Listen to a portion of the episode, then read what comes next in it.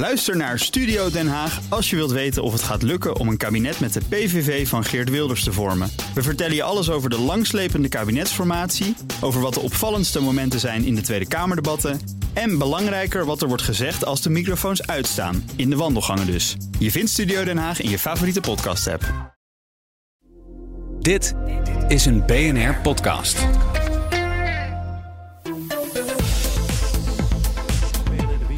gast is Helga Salomon, onderzoeker gespecialiseerd in Rusland en de voormalige Sovjet-Unie, verbonden aan het Den Haag Centrum voor Strategische Studies. Ook in de studio is onze uh, Europa-verslaggever Geert-Jan Haan. Geert-Jan, 2023 mag dan een teleurstelling zijn geworden voor Oekraïne. Toch gaat het land door met de oorlog. Waarom eigenlijk? Ja, ik denk dat dat afgelopen week heel goed verwoord is door onze buitenlandsminister. Die ik sprak uh, vlak nadat ze bij president Zelensky op de thee was geweest. Uh, toen hing ze aan de telefoon vanuit Kiev. En Hanke Bruinslot die verwoordde als volgt waarom Oekraïne toch doorgaat met vechten. Ze hebben echt geen keus. Als zij stoppen met vechten, dan wint Rusland de oorlog. Maar ook de wetenschap dat als zij stoppen met vechten, dat het dan gedaan is met hun land. Maar dat het ook gedaan is met het Europa zoals wij dat nu op dit moment kennen. En dat moet eigenlijk ook bij ons uh, wilskracht opleveren om Oekraïne te blijven steunen voor zolang als dat nodig is. Want Poetin wacht gewoon. Die wacht gewoon tot op het moment dat het Westen uh, haar aandacht laat verslappen. Ja, dan heb je mensen nodig. Uh, welke probleem, problemen signaleer jij? Ja, je hebt eigenlijk de, de vier M's die uh, cruciaal zijn in dit verhaal voor Oekraïne en op zich ook voor Rusland. Dat is moreel, wat mevrouw Salomon al noemde.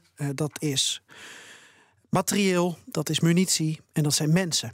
En al die vier, daar heeft de Oekraïne momenteel een probleem mee. Um, want het moreel, daar komen we zo over te spreken, dat lijkt ineens uh, wat af te nemen. Ook al hebben ze geen keuze om door te vechten en gaan ze ondanks minder zelfvertrouwen toch door. Maar als je kijkt naar het probleem met mensen, je ziet dat er een probleem is met uh, de leeftijdsopbouw van de Oekraïne. Dat ze steeds minder uh, jongeren tussen de 18 en 27 met name hebben om naar het front te sturen. Dat er dus ook nu gemobiliseerd ja, er wordt niet echt gemobiliseerd, maar dat er gezocht wordt naar mensen met oproepen vanaf 27 jaar. Um, er wordt ook gezegd, uh, als je wil meedoen, um, dan mag je ook op een bepaalde positie die je zelf wenselijk acht. Dat klinkt natuurlijk heel raar, want je, je kan in principe alles en iedereen gebruiken. Dus je zou denken, gooi ze alla Rusland voor de leeuwen. Maar dan heb je te maken met dat Oekraïne, en dat vinden we eigenlijk weer goed nieuws, ook natuurlijk een democratie of een democratie in wording is. Dus die mensen die vinden dat ze niet zomaar voor de leeuwen mogen worden gegooid. Tegelijkertijd, Bernard, um, de mensen aan het front die worden nauwelijks geroteerd momenteel. Er zijn klachten en er is ook een, een publicatie naar buiten gekomen van een artillerieofficier, uh, Kirill uh, Babi. En Kirill die had uh, op Instagram een post geplaatst waarin hij zei: Ja, februari 2024, dan ben ik twee jaar aan het front en dan stop ik ermee. Ja. Of ik nou deserteer en in de gevangenis beland of niet, dit kan niet langer. Nou, Um, in Rusland, dat weet mevrouw Salomon ook, had deze man überhaupt het niet kunnen posten. En had hij dat gedaan, dan had hij een heel groot probleem gehad met een raam of een kopje thee. Uh, in dit geval is er een petitie gekomen. En in dit geval heeft zijn geluid heel veel weerklank gevonden in de Oekraïnse samenleving. En is er een enorm debat nu gaande. Ja, praten we over het aantal mensen. Wat heeft Oekraïne en wat heeft Rusland? Nou, afgelopen week toen we Marten Kruijf spraken, die had het over grosso modo 600.000 slachtoffers uh, bij elkaar opgeteld. Het is natuurlijk ongelooflijk moeilijk te meten.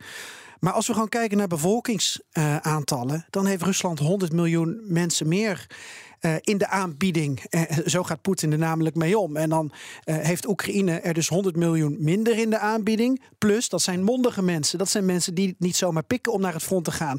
Daar worden de gevangenissen niet leeg gehaald. Daar worden mensen niet gedrogeerd naar het front gestuurd. En dat zijn gewoon hele wezenlijke verschillen. En um, in Rusland veel mensen uit het achterland, waar de ouders dan 15.000 euro en een Lada krijgen als dank voor dat zij hun zoon naar het front sturen. Um, iemand uit Burjatië bijvoorbeeld of zo. Ja, ook dat gebeurt in Oekraïne niet op die manier. Dan heb je wel salarissen. Er wordt nu gezegd bij de nieuwe recrutering tussen de 2 en 4000 uh, dollar, afhankelijk van de plek waar je zit. Uh, maar het, zijn, het is een andere manier van vechten. En uh, dat speelt hier allemaal mee. Ja, en waarom verloopt de Oekraïnse mobilisatie niet goed? Meerdere redenen. Het, het systeem klopt niet, zeggen mensen tegen mij. Uh, ik heb uh, vrienden gesproken, ook iemand die bij het ministerie van Defensie nu zit in Oekraïne. Die heeft net vier uh, maanden ook in Zaporizhia gezeten. Die werkt nu op het ministerie in Kiev. En die zegt ook wat ik nu stel over, nou die rotatie die loopt niet. Er zijn geen duidelijke afspraken. Mensen weten niet wanneer ze verlof hebben. Um, tegelijkertijd zien ze dat mensen de mobilisatie ontduiken. Dus zonen van politici of zakenlui, dat ze dat kunnen afkopen. Dat ze kunnen afkopen om het land te verlaten. Want dat mogen mannen eigenlijk niet. Um, daar wordt dan weer grof geld aan verdiend. Dan komt het aloude verhaal van corruptie weer terug. Dat gaat ook weer een knauw aan het moreel geven. En dan zit je in een soort ja, visieuze cirkel eigenlijk waar je niet meer uitkomt. En dat alles draagt bij aan wat mevrouw Salomon zegt: dat het zelfvertrouwen in Oekraïne een enorme knauw heeft uh, gekregen. Het enige verschil dat ik op dit moment signaleer is dat als je de annexatie van de Krim en de oorlog in de Donbass pakt als beginpunt, 2014, toen hadden ze in West-Oekraïne zoiets van ja. Eh, het is allemaal heel erg, maar het is wel heel ver weg. En het zijn toch een beetje de Russisch-taligen. En sinds 24 februari 2022 is het de oorlog van alles en iedereen. En ook al zien ze in Lviv uh, dat daar de begraafplaatsen groeien met mensen die honderden kilometers verderop sterven. Nog steeds is daar het besef: we kunnen niet anders dan vechten. Anders is, zoals Hanke Bruinslot zei, uh, Oekraïne is, um, is gedaan. Uh, en die uitspraak haalde zelfs uiteindelijk ook de Oekraïnse media uit dit interview: Ukraine is finished. Ja, dankjewel. Europa verslag, verslaggever Geert-Jan Haan.